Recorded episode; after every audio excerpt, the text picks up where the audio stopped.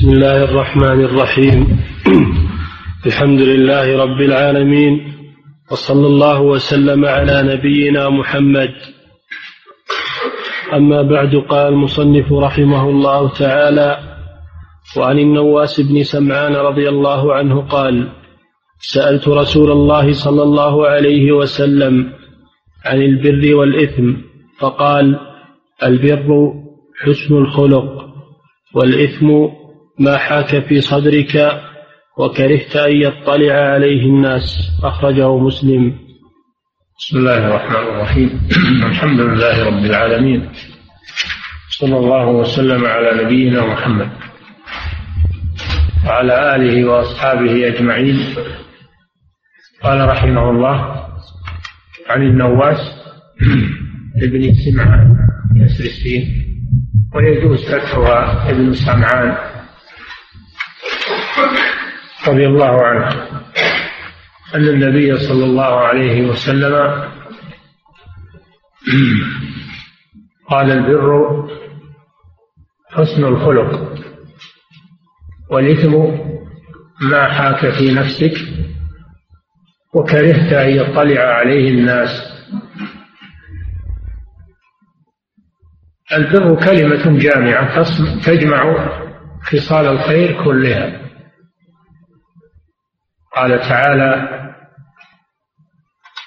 ليس البر أن تولوا وجوهكم قبل المشرق والمغرب ولكن البر من آمن بالله واليوم الآخر والملائكة والكتاب والنبيين وآتى المال على حب ذوي القربى واليتامى والمساكين وابن السبيل السائلين وفي الرقاب وأقام الصلاة وآتى الزكاة والموفون بعهدهم إذا عاهدوا الصابرين في البأساء والضراء وحين البأس. أولئك الذين صدقوا وأولئك هم المتقون. فالبر كلمة جامعة. تجمع خصال الخير. ويقابلها الإثم. ضد البر الإثم. والإثم يجمع كل شر وكل معصية. فإنها إثم.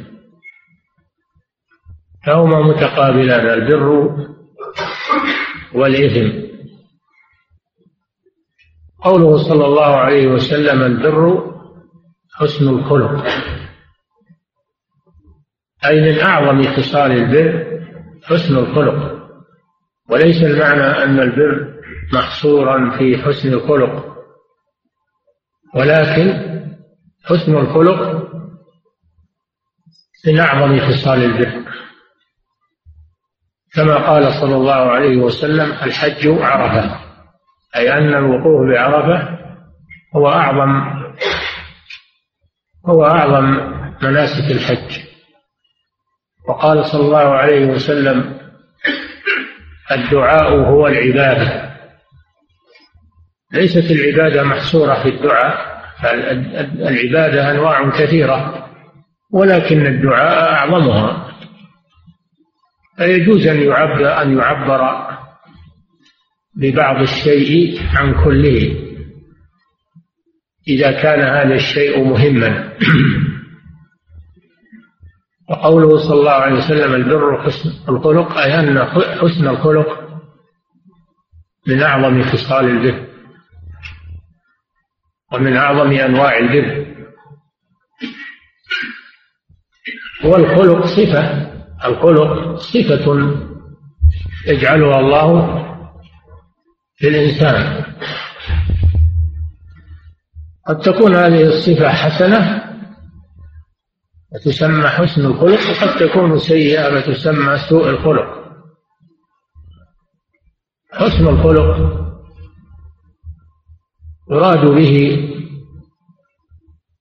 البشاشة وبذل المعروف وكف الأذى عن الناس وكل ما فيه إحسان إلى الناس فهو من حسن الخلق.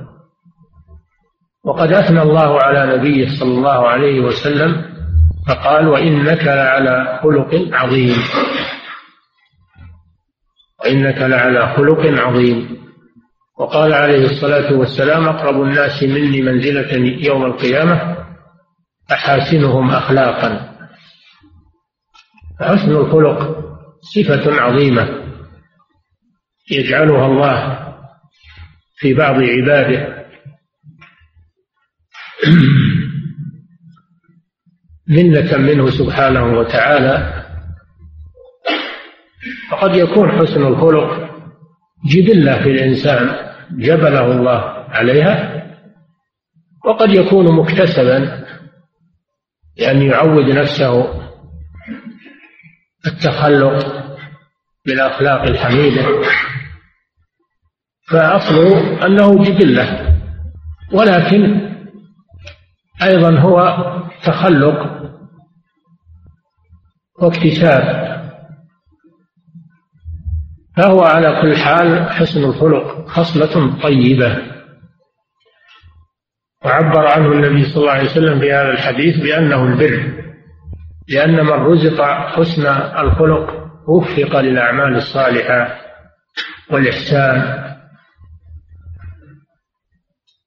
فحسن الخلق خصلة جميلة طيبة تكسب الإنسان فعل الطاعات بخلاف سوء الخلق. والعياذ بالله فإنه يحرم الإنسان من كثير من الخير وينفر الناس عنه. ثم قال والإثم هذا مقابل الحسن مقابل البر. الإثم مقابل البر. الإثم ما حاك في صدرك يعني تردد في صدرك ولم تطمئن إليه من الأمور. وكرهت أن يطلع عليه الناس. هذا هو ضابط الإثم. فإذا رأيت في نفسك ترددا في شيء ولم تقبله نفسك ولم ترتح إليه نفسك فاتركه. هذا يدل على أنه إثم. فالإثم استدل عليه بأمرين. الأمر الأول الأدلة الشرعية. ما دلت الأدلة على أنه حرام.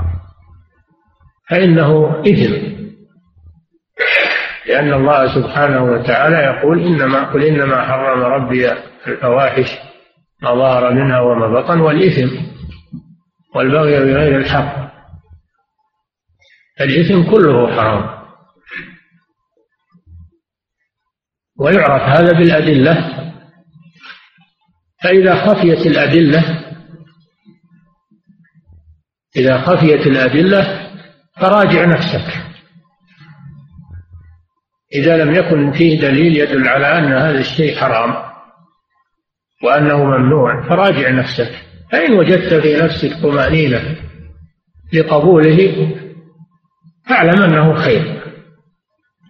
وإذا وجدت في نفسك نفرة عنه وعدم قبول له وعدم اطمئنان له هذا دليل على أنه شر. لأن نفس المؤمن لا ترتاح إلى الشر وإنما ترتاح إلى الخير. فالإثم يعرف بأمرين بالأدلة الواضحة من الكتاب والسنة ويعرف أيضا بطمأنينة النفس إليه تقبل النفس المؤمنة له. فهي ميزان ميزان لما هو خير وما هو شر. وكون الإنسان يستحي من الناس أنه يظهر بهذا الشيء يدل على أن هذا الشيء أنه إثم لأنه لو كان برا لما استحيا من الناس. فاستحياؤه من الناس دليل على أن هذا الشيء إثم. فإن فإذا يعرف الإثم بعدم ارتياح النفس له وبالحياء من الناس فيه. هذا هو الإثم. نعم.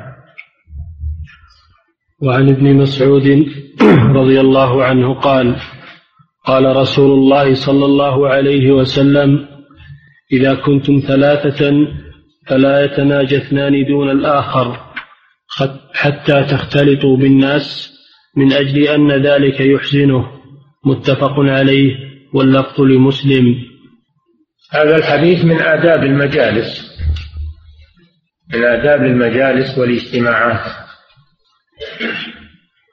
فإذا كانوا ثلاثة نفر فإنه ينهى أن يتناجى اثنان والنجوى هي الحديث السر. النجوى حديث السر يتناجى اثنان دون الثالث. لأنهم إذا تناجوا من دونه أحدث عنده الشكوك. يخاف أنهم يتحدثون فيه. وأيضا إذا تحدثوا من دونه فإن ذلك يشعره بأنهم يحتقرونه ولا يرونه شيئا فيخفون أمرهم عنه ويتسارون في حديثهم دونه لأنهم لا يثقون به. يقع في نفسه ذلك. ولهذا قال صلى الله عليه وسلم من أجل أن ذلك يحزنه يحزنه. أن يبعث في نفسه الحزن. فيقول إما أنهم يتحدثون في وإما أنهم يحتقرونني. فيصبح فيصبح حزينا بينهم. فمن آداب المجالس أن الحديث يكون ظاهرا ولا يكون إذا كانوا ثلاثة يكون الحديث ظاهرا ولا يكون بين اثنين فقط دون الثالث أما إذا كان المجلس كثير والناس كثير في المجلس يزيدون عن ثلاثة فلا بأس أن يتناجى الاثنان لعدم المحذور لأن الباقين كثيرون. فلا يقع في نفوسهم شيء. هذا من آداب المجالس. أن الاثنين أن الثلاثة يكون الحديث بينهم مشتركا في المجلس. لأجل إزالة سوء الظن. ولا يختص بإثنين والثالث يبقى لا يتحدث معهم هذا فيه سوء مجالسة. نعم. فدل الحديث على على تحريم النجوى بين الاثنين دون الثالث. ودل على أنهم إذا كانوا أكثر من ثلاثة فإنه لا بأس أن يتناجى الاثنان. قوله صلى الله عليه وسلم حتى تختلطوا بالناس يعني إذا زال المحذور فلا بأس. نعم. وعن ابن عمر رضي الله تعالى عنهما قال قال رسول الله صلى الله عليه وسلم لا يقيم الرجل الرجل من مجلسه ثم يجلس فيه ولكن تفسحوا وتوسعوا. متفق عليه. وهذا الحديث أيضا من آداب المجالس. هذا من آداب المجالس. فإذا سبق أحد إلى مجلس فهو أحق به. ولا يجوز لأحد أن يقيمه منه. سواء كان ذلك في المسجد أو كان ذلك في مجالس الناس خارج المسجد كالبيوت أو كان ذلك في الجلوس في الأسواق للبيع والشراء فمن سبق إلى مكان وجلس فيه فهو أحق به. ولا يجوز لأحد أن يحوله عنه. لكن إذا قام صاحب المجلس وآثر به القادم فلا بأس بذلك لأنه تنازل عن حقه. وأما أن يقيمه بغير رضاه وبغير إيثار منه فهذا ظلم وخطأ.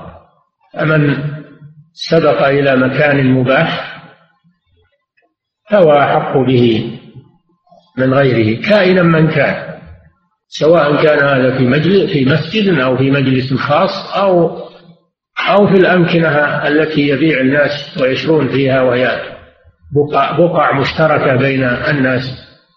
فإذا جلس في مكان يبيع فيه ويشتري ونزل فيه بضاعته فهو أحق به. إذا كان مسموحا به من قبل ولاة الأمور. ولاة الأمور سمحوا في هذه الساحة أو في هذه المكان للباعة يجلسون فيها. فمن سبق إلى موضع منها فهو أحق به. أما إذا كان المكان غير مسموح به من قبل ولاة الأمور فلا يجوز لأحد أن يخالف ولي الأمر ويجلس يبيع ويشتري وهذا محل ممنوع من البيع والشراء لأن المصلحة العامة تقتضي أن يكون هذا المكان خاليا لأجل مرور الناس أو مواقف سياراتهم أو دوابهم أو مرافقهم. فإذا منعه ولي الأمر فطاعة ولي الأمر واجبة لأنه يمنعه للمصلحة العامة. أما إذا سمح في ساحة أو في مكان للناس وكل من سبق إلى مكان فيها فهو أحق به ولا يجوز لأحد أن يقيمه منها. إلا إذا سمح هو وآثر غيره بمكانه فلا بأس أن يجلس فيه. ولكن ابن عمر رضي الله تعالى عنهما كان لا يجلس في المكان حتى ولو قام صاحبه له. كان إذا قام له أحد فإنه لا يجلس في مكانه. وهذا من باب التورع. هذا من باب التورع والتواضع منه رضي الله عنه. آه، من جاء إلى مكان فإنه يجلس حيث ينتهي به المجلس. يجلس حيث ينتهي به المجلس. جاء إلى المسجد يصف في المكان الذي ليس فيه أحد في طرف الصف. يعني هذا حظه. لماذا لم يتقدم؟ ويكون مع السابقين. وكذلك في المجالس. يجلس في المكان الذي ينتهي به. ولا يقيم أحدا من السابقين بغير رضاه وتنازله من نفسه.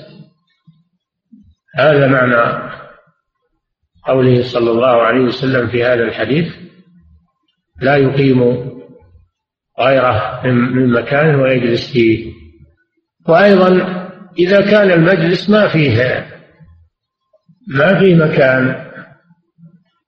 فإن المشروع لهم أن يتفسحوا. إذا كان المجلس ما فيه مكان فاضي. إن كان في مكان فاضي فيجلس حيث انتهى به المجلس. ما في مكان فاضي. المشروع لهم أن يفسحوا له. ويهيئوا له مكانا. قال الله سبحانه وتعالى إذا قيل لكم تفسحوا في المجالس فافسحوا يفسح الله لكم. فيفسحون لأخيهم ويجلسونه في مكان ليشارك معهم في مجلس العلم أو في مجلس آه، الأنس والملاطفة. هذه هي آداب المجلس.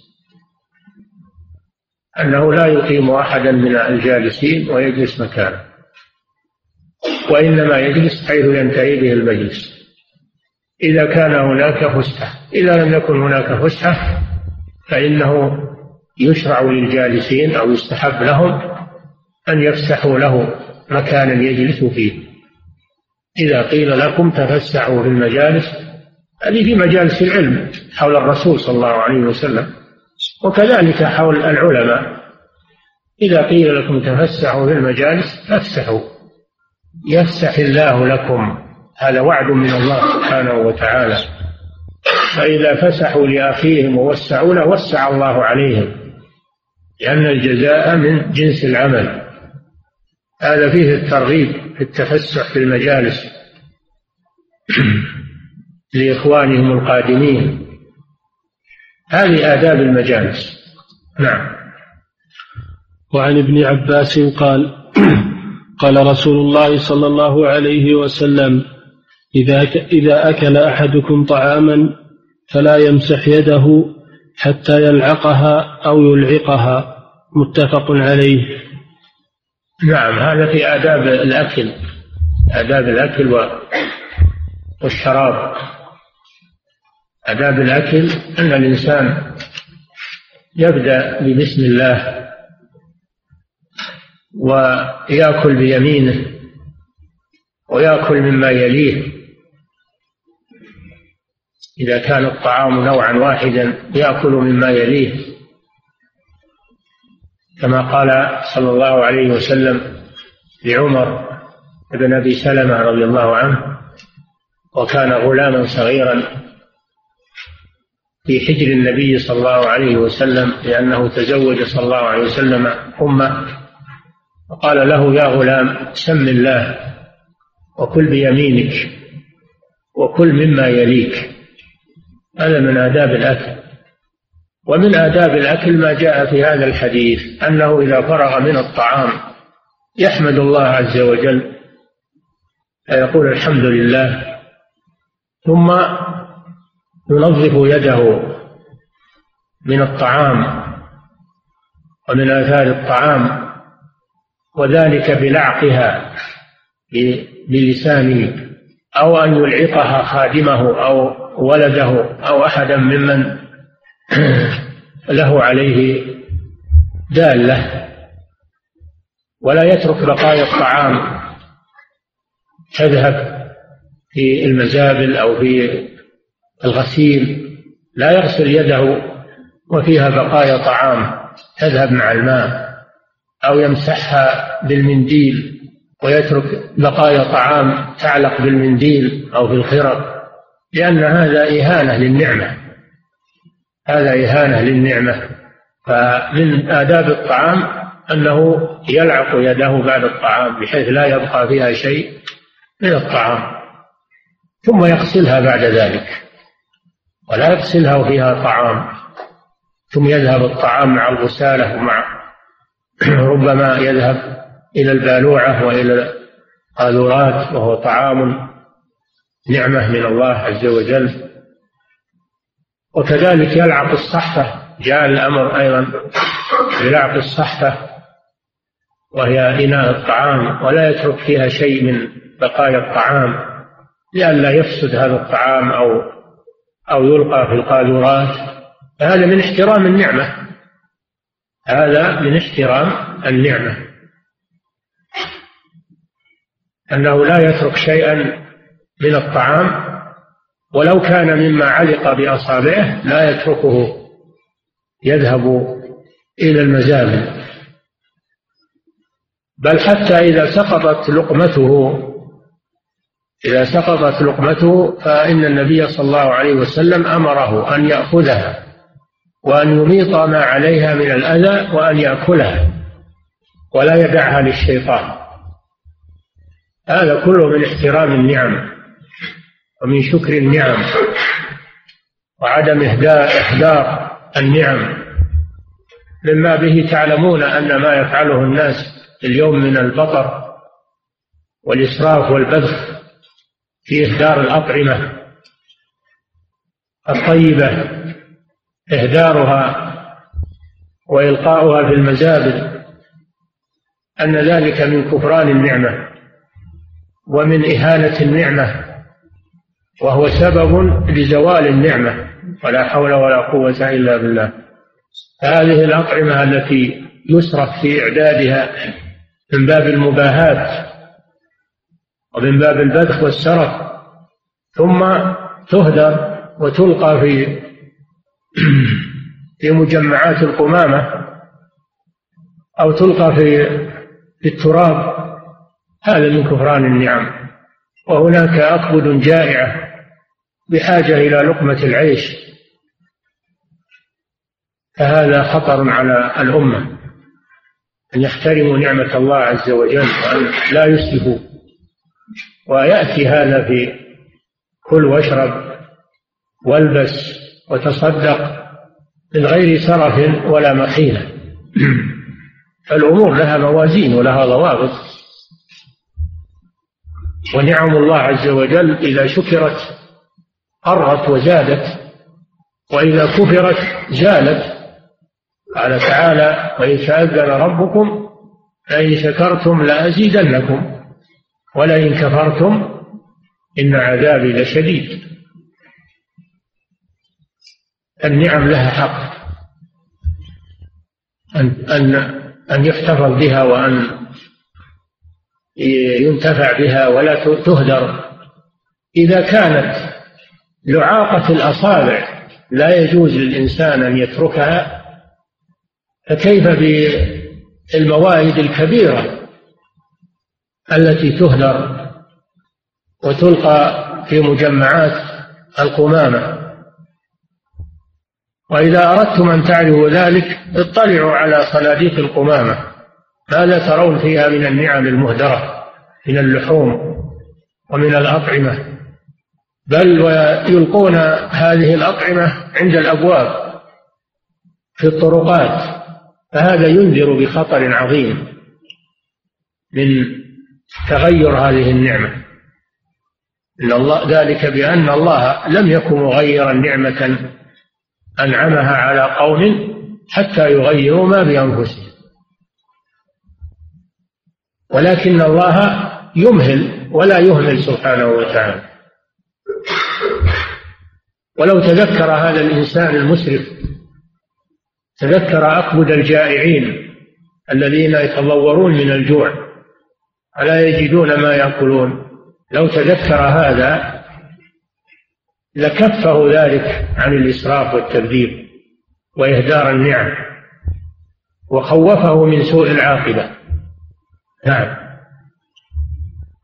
وعن أبي هريرة رضي الله عنه قال قال رسول الله صلى الله عليه وسلم فدل هذا الحديث على احترام النعم على احترام النعم وعدم إهدارها ولو كانت قليلة لو كانت على الأصابع. ودل على أن من آداب الأكل أيضا أن الإنسان يتنظف من آثار الطعام بأن يمسح يده بالمنديل أو يغسل يده من ما علق بها من آثار الطعام. من الأدهان أو غيرها. الآثار التي لا يؤخذ منها شيء ولا ينتفع بها مثل الدهن اللي يصير على اليد أو الأصابع. هذا يغسل لا بأس ولا يترك الإنسان الدهن في يديه أو يترك الدهن في فمه والدسومة أن هذا من من سوء النظافة ويكون له روائح وربما يسبب أمراضا إذا نام وهذه الأشياء في يديه أو في فمه إذا نام ربما يسبب له هذا أمراضا. الشارع جاء بأن الإنسان إذا فرغ من الطعام يلعق يديه ويزيل ما تبقى عليها من من الطعام ثم بعد ذلك يغسلها بالماء أو أو يمسحها بالمنديل ويتمضمض في فمه حيث لا يبقى فيه رائحة الطعام أو الدسومة أو إذا شرب لبنا فإن اللبن فيه دسومة فلا ينام في فمه رائحة اللبن بل يغسل فمه. أوصى النبي صلى الله عليه وسلم بذلك لأن دين الإسلام دين النظافة ما هو دين قذارة أو دين وسخ وإنما هو دين النظافة.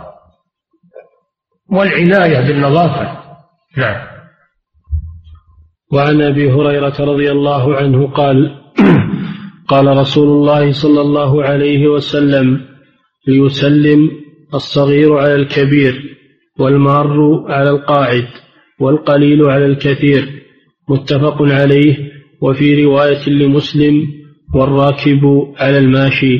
نعم مر بنا في أول حديث أن من حق المسلم على المسلم إذا لقيه أن يسلم عليه وأن إفشاء السلام بين المسلمين من آداب الإسلام مثل إطعام الطعام وطيب الكلام والصلاة بالليل والناس نيام كلها من أسباب دخول الجنة إفشاء السلام.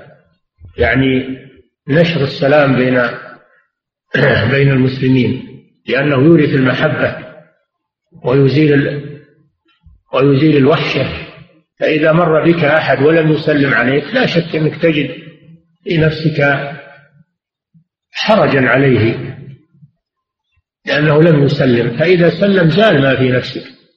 حتى ولو كان عدوا لك وبينك وبين شحنة إذا سلم أزال الله ما بينكما من الشحنة. إفشاء السلام لها فائدة عظيمة. وفي هذا الحديث آداب السلام أنه يسلم الصغير على الكبير لأن الكبير له حق. يسلم عليه الصغير. وإذا لم يسلم الصغير يسلم الكبير. كان النبي صلى الله عليه وسلم يسلم على الصبيان إذا مر بهم. ولكن الأولى أن الصغير هو الذي يسلم على الكبير. وإذا لم يسلم الصغير يسلم الكبير ولا يترك السلام. ويسلم الماشي على القاعد. الماشي المار يسلم على القاعد. ويسلم الكثير على القليل على الكثير. القليل من الناس على الكثير من الناس. إذا تلاقى جماعات فإن الجماعة القليلة تسلم على الجماعة الكثيرة. ويسلم الراكب على الماشي. هذه آداب السلام. نعم. وعن علي رضي الله عنه قال قال رسول الله صلى الله عليه وسلم يجزئ عن الجماعة إذا مروا أن يسلم أحدهم ويجزئ عن الجماعة أن يرد أحدهم رواه أحمد والبيهقي. نعم الحديث الذي قبل هذا يسلم القليل على الكثير. هل معناه أن الجماعة القليلين كلهم يسلمون؟ وهل معناه أن الجماعة الكثير الكثير الكثيرين كلهم يردون؟ لا. معناه أنه إذا سلم واحد من الجماعة كفى فهو سنة كفاية. البداءة بالسلام سنة كفاية يكفي عن الجميع. إذا سلم بعضهم ولو واحدا منهم يكفي. وكذلك الرد إذا رد واحد من الجماعة فهذا فرض كفاية لأن رد السلام واجب. فهو فرض كفاية. إذا سلم واحد من الكثيرين كفى عن الباقين نعم. وعنه رضي الله عنه قال قال رسول الله صلى الله عليه وسلم لا تبدأوا اليهود والنصارى بالسلام وإذا لقيتوهم في طريق فاضطروهم إلى أضيقه. أخرجه مسلم. وهذا أيضا من آداب السلام أن أننا لا نبدأ اليهود والنصارى والكفار بالسلام لأنهم أعداء الله. السلام من حقوق المسلمين بعضهم على بعض. الكافر ليس له حق ومن حقه والواجب علينا أن نهجره وأن نبغضه في الله عز وجل. لكن إذا سلم علينا هو بدأنا بالسلام فإننا نرد عليه لأن دين الإسلام دين المكافأة والإحسان. فمن أحسن إليك ولو كان كافرا فأحسن إليه. قال تعالى لا ينهاكم الله عن الذين لم يقاتلوكم في الدين ولم يخرجوكم من دياركم أن تبروهم تقسطوا إليهم من باب المكافأة لما كفوا أذاهم عنا نكافئهم بأن نبر بهم ونحسن إليهم. الإسلام دين المكافأة بالإحسان. فإذا سلموا علينا نرد عليهم. وقد جاءت صيغة الرد بأن تقول وعليكم. ما تقول وعليكم السلام ورحمة الله وبركاته. لا. هذا من حق المسلم. أما الكافر إذا سلم عليك ترد عليه وتقول وعليكم. هكذا كان النبي صلى الله عليه وسلم يرد على اليهود إذا سلموا عليه. قولوا وعليكم. وفيه أيضا أن أننا نضطرهم في الطريق إلى أضيقه. معناه أننا لا نجعل لهم وسط الطريق أو أحسن الطريق. لأن هذا عدو لله عز وجل. ويجب أن نهينه. لأن الله أهانه. الله أهانه فلا نكرمه نحن. ومن يهن الله فما له من مكرم. فلا نجعل له وسط الطريق. هذا حق المسلم. وإنما نجعل لهم جانب الطريق. أي ما نمنعهم من المرور. نحن لا نمنعهم من المرور. لكن نتركهم يمرون من جانب الطريق. ولا ندع لهم وسط الطريق. وأحسن الطريق. نعم. وعنه عن النبي صلى الله عليه وسلم قال إذا عطس أحدكم فليقل الحمد لله وليقل له أخوه يرحمك الله فإذا قال له يرحمك الله فليقل يهديكم الله ويصلح بالكم. أخرجه البخاري. هذا أيضا بيان للحديث الذي سبق حق المسلم على المسلم ومنها إذا عطس فحمد الله فشمته. هذا الحديث فيه شرح للحديث السابق كيفية التشميت وكيفية الرد. أنه إذا عطس وحمد الله فإنك تقول يرحمك الله. ثم هو يرد ويقول يهديكم الله ويصلح بالكم. فالعطاس نعمة من الله عز وجل. نعمة من الله لأنه يخرج البخار الذي في الرأس ويخف الإنسان بعد العطاس ويجد يجد راحة بعد العطاس فهو نعمة. فلذلك يحمد الله عليها ويقول الحمد لله. فإذا حمد الله فإن من سمعه يشمته ويقول يرحمكم الله. ثم هو يرد ويقول يهديكم الله ويصلح بالكم. هذا آداب العطاس. نعم. وعنه رضي الله عنه قال قال رسول الله صلى الله عليه وسلم لا يشربن أحدكم قائما. أخرجه مسلم. وهذا من آداب الشراب. تقدم شيء من آداب الطعام. وهذا من آداب الشراب. أن الأفضل أن الإنسان يشرب وهو جالس. يشرب وهو جالس كما كان النبي صلى الله عليه وسلم يفعل ذلك. من آداب الشراب أن لا يشرب بنفس واحد كما يشرب البعير وإنما يشرب بثلاثة أنفاس ويخرج فمه من الإناء عند التنفس لا يتنفس في الإناء. لأن ذلك يقدره على من بعده. فيشرب بثلاثة أنفاس في كل مرة يخرج فمه عن الإناء ويتنفس خارجه ويشرب وهو جالس. هذا هو الأفضل. ولا يشرب وهو, وهو يكره أن يشرب وهو قائم. ولا يحرم ذلك. لا يحرم الشرب وهو قائم. لأن النبي صلى الله عليه وسلم صح عنه أنه شرب وهو قائم.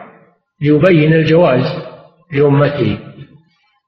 فقد جاء إلى زمزم بعد ما فرغ من الطواف العمرة والصلاة عند مقام إبراهيم في حج في طواف الإفاضة. في طواف الإفاضة يوم النحر. جاء إلى زمزم وتناول دلوا منها وشرب عليه الصلاة والسلام وهو قائم ليبين لأمته الجواز وأنه يجوز للإنسان أن يشرب وهو قائم ولكن الأفضل أن يشرب وهو جالس. نعم. قال قال رسول الله صلى الله عليه وسلم إذا انتعل أحدكم فليبدأ باليمين وإذا نزع فليبدأ بالشمال ولتكن اليمنى أولهما تنعل وآخرهما تنزع متفق عليه. وعنه رضي الله عنه قال قال رسول الله صلى الله عليه وسلم لا يمشي أحدكم في نعل واحدة ولينعلهما جميعا أو ليخلعهما جميعا. متفق هذا عليه من آداب اللباس. من آداب اللباس. لبس النعلين يلبس اليد الرجل اليمنى قبل اليسرى. يلبس النعل للرجل اليمنى قبل اليسرى وفي الخلع بالعكس يخلع من اليسرى قبل اليمنى لأن اللباس إكرام.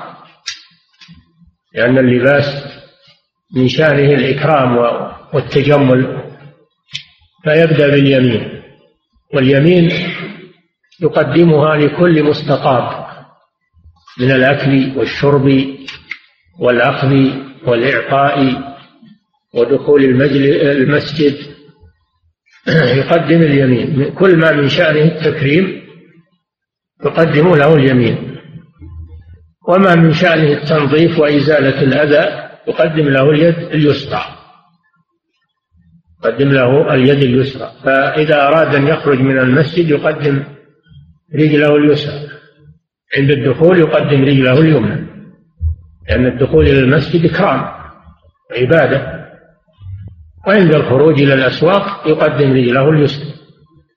عند الدخول في الحمام بالعكس يقدم رجله اليسرى عند الدخول. وعند الخروج قدم رجله اليمنى. عند الوضوء يغسل اليمنى قبل اليسرى. عند اللباس يدخل يده اليمنى في اللباس قبل أن يدخل يده اليسرى. عند الخلع بالعكس يخلع يده اليسرى من اللباس قبل اليمنى. هذه من آداب اللباس. فيقدم اليمين بكل ما من شأنه التكريم والتجميل.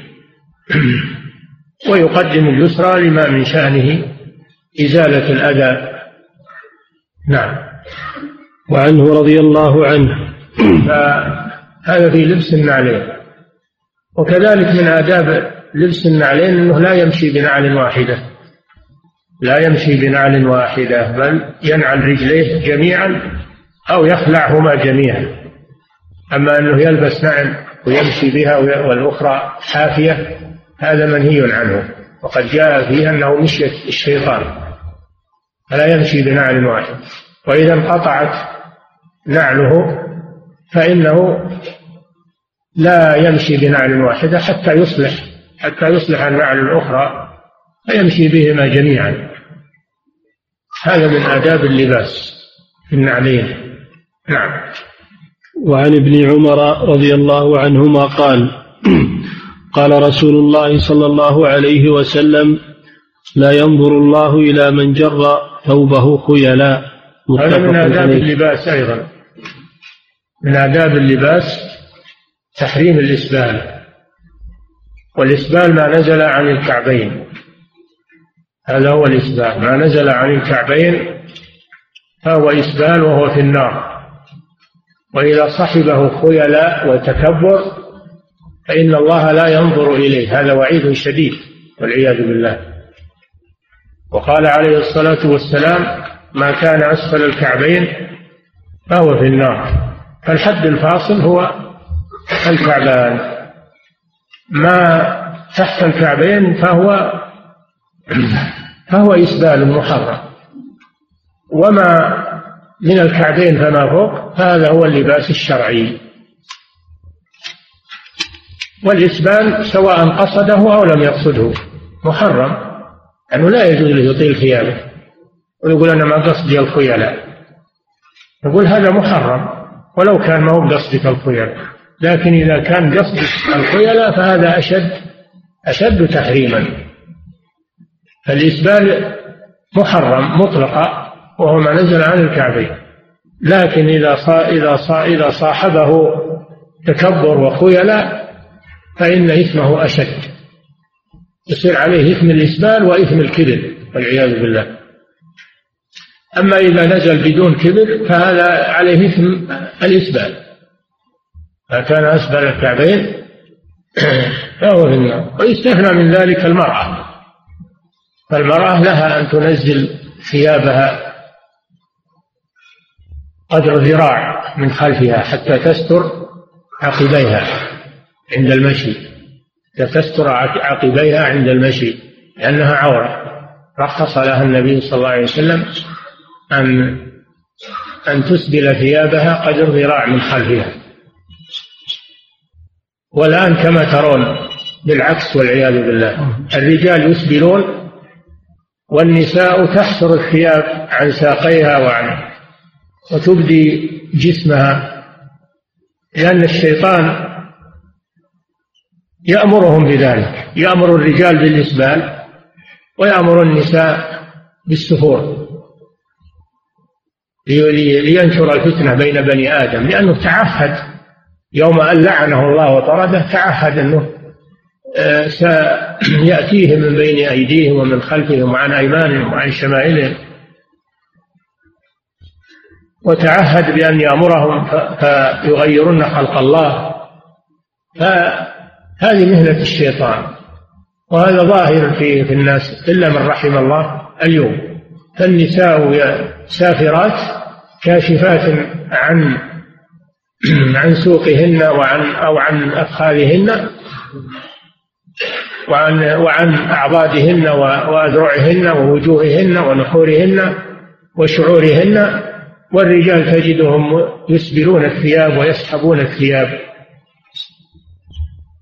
فهو أمر كل من الجنسين بمخالفة ما أمر الله جل وعلا به. نعم.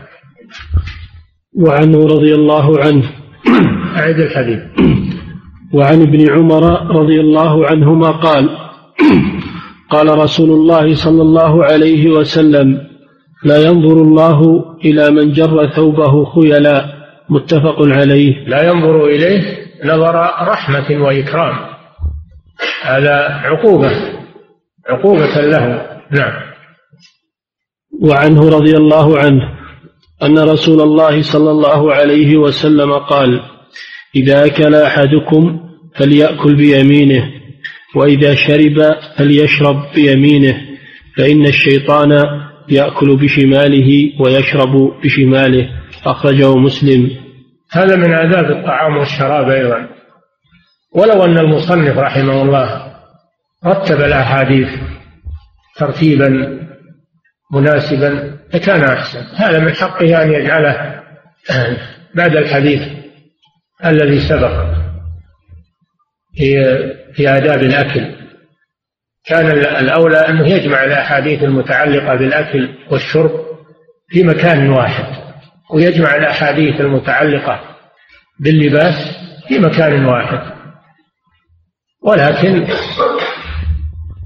عفى الله عنه ورحمه ويكفيه فخرا وأجرا عند الله إن شاء الله أنه حضر لنا هذه الأحاديث وانتقاها وبين درجاتها قربها لنا فجزاه الله عن الإسلام والمسلمين خير الجزاء. نعم.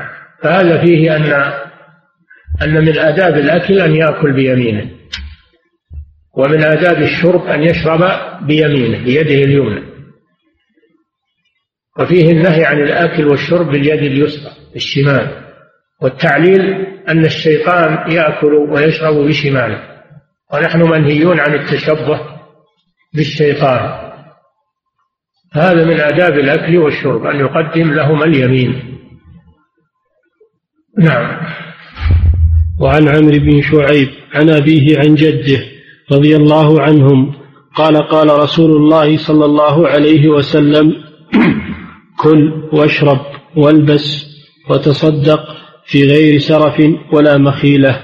أخرجه أبو داود وأحمد وعلقه البخاري. نعم الذي علقه البخاري هو الذي ذكر بدون سند. تعليق البخاري أنه يذكر الحديث بدون سند. هذه المعلقات عند البخاري. والحديث هذا يقول فيه صلى الله عليه وسلم كل واشرب والبس وتصدق من غير سرف ولا مخيل هذا فيه الأمر بأن الإنسان يأكل مما رزقه الله ويشرب مما رزقه الله من أنواع الأشربة المباحة ويلبس مما رزقه الله من ملابس الزينة والتجمل. الأصل الإباحة ولله الحمد الأصل في الأكل والشرب. الإباحة لأن الله أباح لنا الطيبات حرم علينا الخبائث. فيأكل الإنسان ما تيسر له من أنواع الطعام. ولو كان من الطعام الجيد والطعام فلا, فلا الله أباح له ذلك. أن يأكل من الجيد ويأكل من المتوسط ويأكل مما تيسر له. ويشرب كذلك من الأشربة الطيبة اللذيذة من الماء والعصيرات الطيبة عصيرات الفواكه والخل النبيذ والنبيذ الذي لم يصل إلى حد الإسكار. كل هذا من الأشربة المباحة فيشرب ما تيسر له. وإن كان لذيذا أو يأكل مما تيسر له وإن كان لذيذا. الأصل الإباحة ولله الحمد ولا يقتل الإنسان على نفسه ويقول هذا من العبادة أو هذا من لا الإنسان ما يقتل على نفسه يأكل من الطيبات. قال تعالى يا أيها الرسل كلوا من الطيبات واعملوا صالحا. وقال النبي صلى الله عليه وسلم إن الله أمر المؤمنين بما أمر به المرسلين. قال تعالى يا أيها الرسل كلوا من الطيبات واعملوا صالحا. وقال تعالى يا أيها الذين آمنوا كلوا من طيبات ما رزقناكم واشكروا لله إن كنتم إياه تعبدون. فيأكل الإنسان من الطيبات والمستلذات ويشرب من من الشراب الطيب واللذيذ ولكن من غير سرف. السرف هو الزيادة في عما عن الزيادة عن الحد الكافي. الزيادة عن الحد الكافي. هذا هو السرف. من غير سرف. ولا ولا مخيلة. والمخيلة هي الكبر كل واشرب والبس. وتصدق على الناس وعلى المحتاجين. من غير سرف. ولا مخيلة. السرف هو أن يزيد الإنسان من الأكل والشرب. فالسرف هو الزيادة من المباح. السرف هو الزيادة الكثيرة من المباح. أعطي نفسك من الطيبات لكن لا تسرف ولا تكثر. لا تكثر منها. هذا هو السرف والتبذير هو الإنفاق في غير طاعة حتى ولو كان درهما واحدا. إذا إذا أنفق شيئا في معصية فهذا تبذير. قال تعالى ولا تبذر تبذيرا. إن المبذرين كانوا إخوان الشياطين. فالإسراف هو الزيادة في الملذات. والتبذير هو الإنفاق في المعاصي والمخالفات. ولو كان درهما واحدا فإنه تبذير. قال تعالى وكلوا واشربوا ولا تسرفوا. ولا تسرفوا. إنه لا يحب المسرفين. دل على أن الإسراف هو التوسع في الملذات والإكثار منها لأنها تبعث على الأشر والبطر إذا أكثر منها. وإذا أكل منها بحدود فإنه لم يحرم نفسه من الطيبات ولم يسرف. ويخرج عن الحد المالوف المطلوب الوسط. مطلوب الوسط. والذين إذا أنفقوا لم يسرفوا. لاحظوا لم يسرفوا ولم يقتروا. وكان بين ذلك قواما وسط. بين الإسراف وبين التقتير والتضييق على النفس. فلا يضيق على نفسه ويقول هذا من الزهد وهذا من الورع. ولا يوسع على نفسه فيكون هذا من الإسراف. وإنما يتوسع خير الأمور أوسطها. نعم. من غير سرف ولا مخيلة. المخيلة هي الكبر. نعم. والأشعر والبطر نعم. ومن, ومن المخيلة أن أن الإنسان آه، يكثر من المآكل والمشارب من باب إظهار أنه أنه إنسان كبير وأنه إنسان له قيمته عند عند الناس وأن هذا من المظهر. لا هذا هذا إسراف الإسراف لا يجوز. نعم. باب البر والصلة. فضيلة الشيخ عند التسوك عند التسوك أيهما أفضل التسوك باليمين أم بالشمال؟ علما بأنه من التنظيف. الاستياك يكون باليد اليسرى لأنه من إزالة الأذى فيمسك المسواك بيده اليسرى لأنه من إزالة الأذى. نعم. فضيلة الشيخ بعض الناس قبل الإقامة يقف خلف خلف أحد الجلوس في الصف الأول وعند الإقامة يدخل بينهم في الصلاة. ما رأيكم في هذا؟ نعم إذا كان في الصف متسع فلا بأس سد الفرج مطلوب. أما إذا كان الصف متراص فلا يضيق على الناس لا يضيق على الناس ويقول لك الصف الأول يضيق على الناس. إلا إن كان في فرجة وفي متسع. نعم. فضيلة الشيخ هل يجوز إقامة الصغير من المجلس ليجلس مكانه الكبير؟ لا لا يجوز ذلك.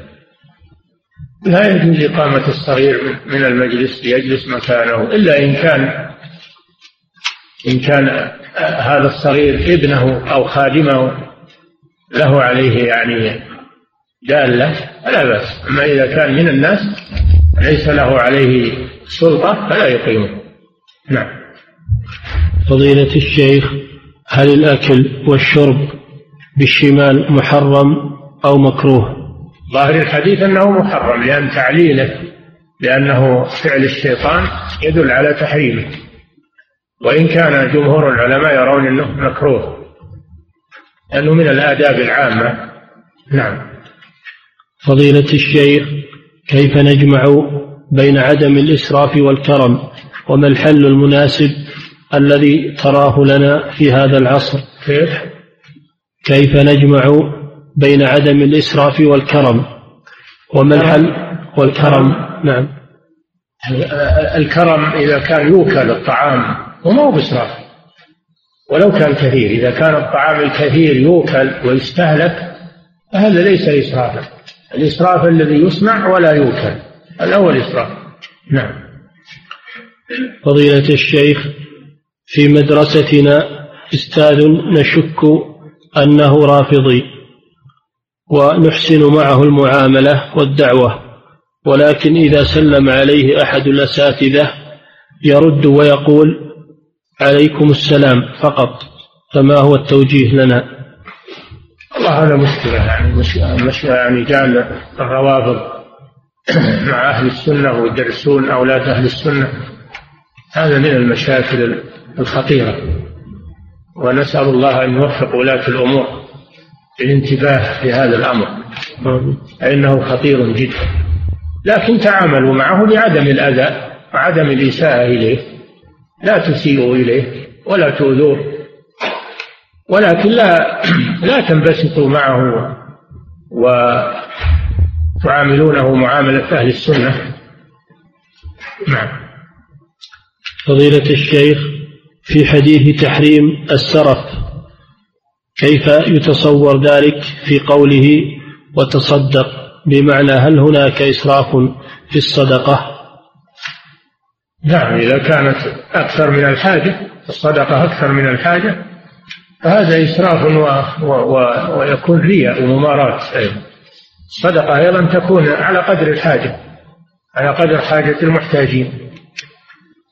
وإذا كانت على قدر حاجة المحتاجين ولو كانت كثيرة ولو كانت ملايين فهي طيبة.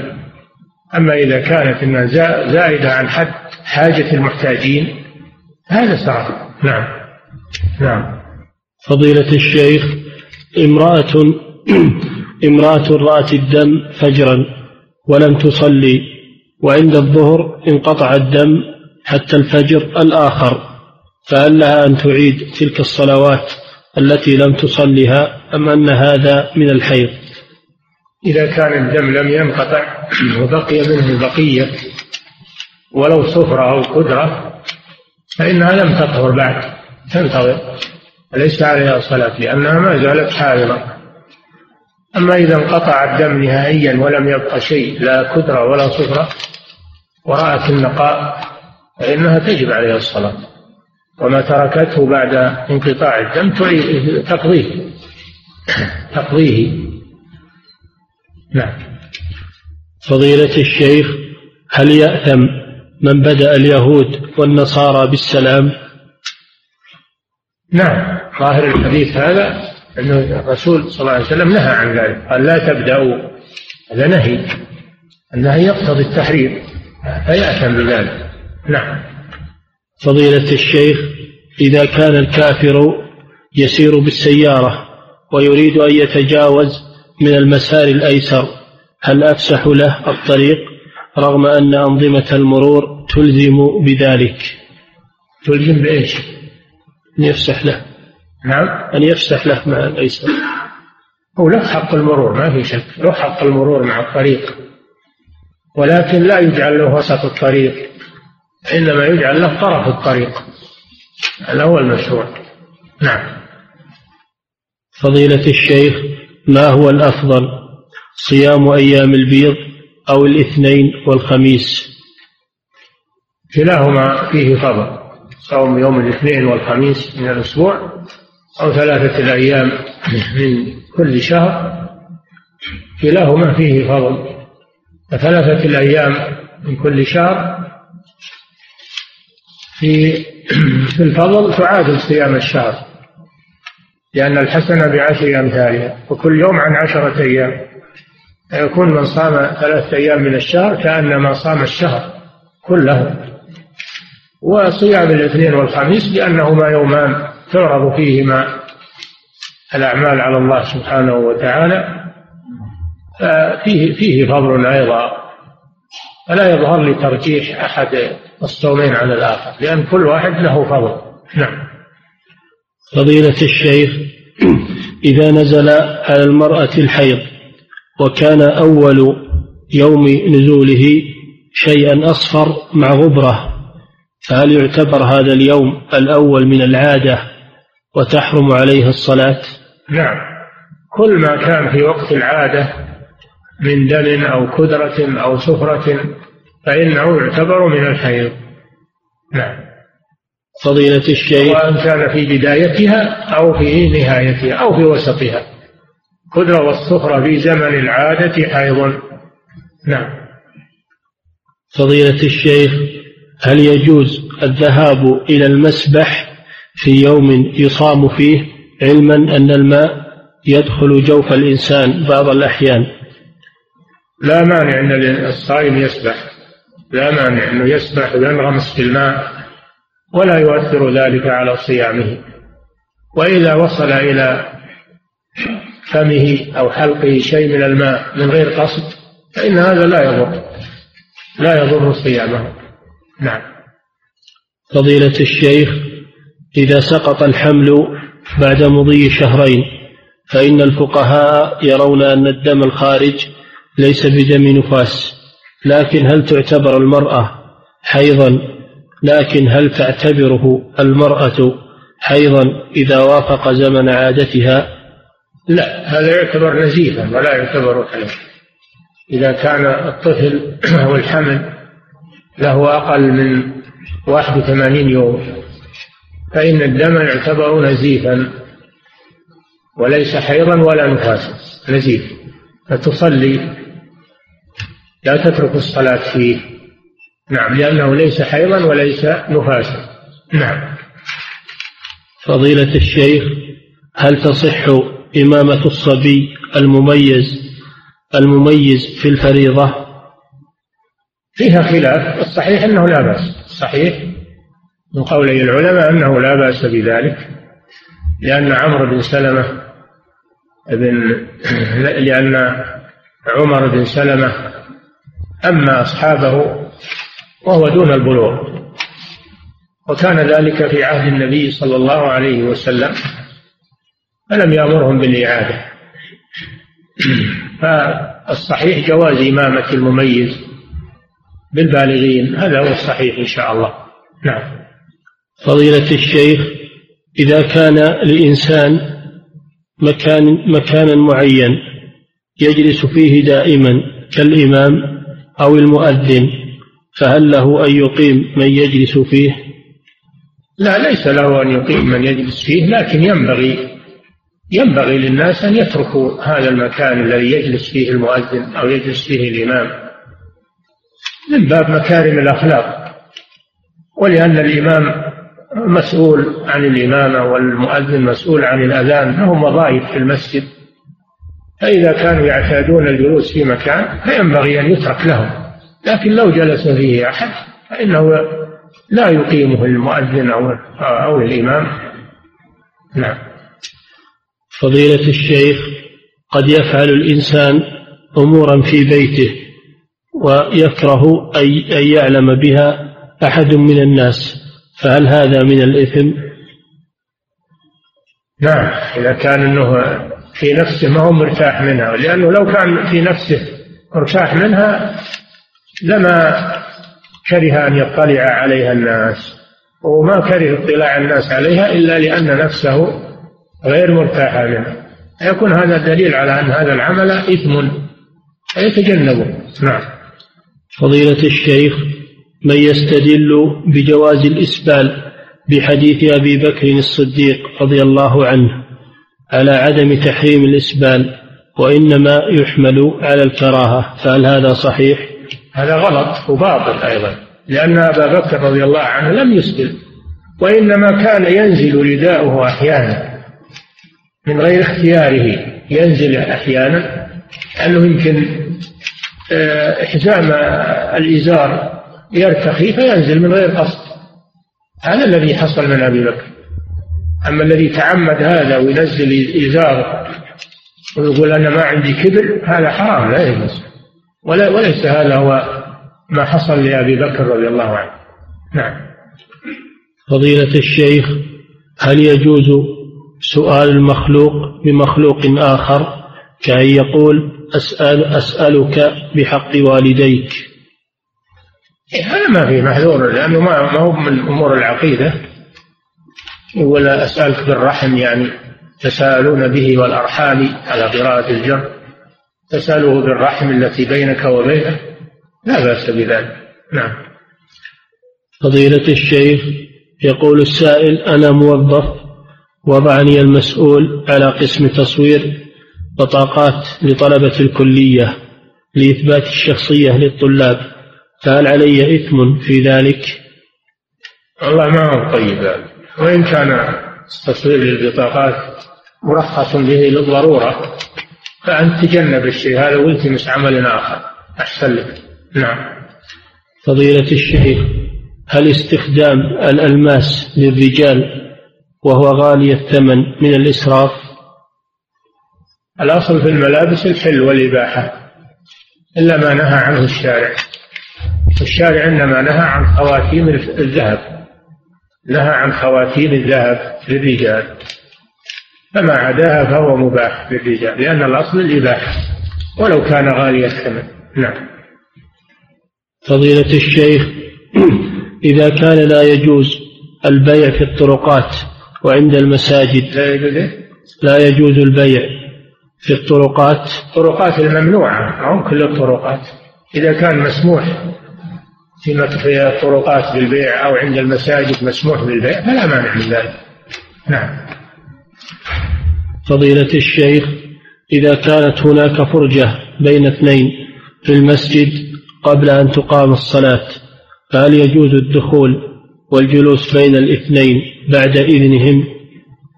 ما يحتاج إذن ما دام في فرجة الفرجة ما هي ملك لهم. فرجة من المسجد والمسجد لمن؟ للمصلين. فإذا كان فيه فرجة ولم يكن أحد قام منها ويبي يرجع إليها فرجة ليست لأحد اجلس فيها هذا حق لك. أما إذا كانت الفرجة الواحد قام يبي يتوضأ ويجي أو بيأخذ مصحف فلا يجوز لك تجلس فيها. لأن من قام من مكان ثم رجع إليه فهو أحق به. نعم. فضيلة الشيخ هل وضع الكتاب أو المفاتيح في المسجد وحجز المكان جائز ولا يجوز لنا إزالته والجلوس فيه. وضع الفراش أو السجادة أو وضع المفاتيح على ما ذكرت أو العصا إذا كان أنه بيرجع قريبا راح يتوضأ أو راح الحاجة وبيرجع قريبا فهو أحق به لأنه مثل الحاضر. أما إذا كان يحج ويروح ولا هو جاي إلا في آخر الوقت يروح يبيع ويشري ولا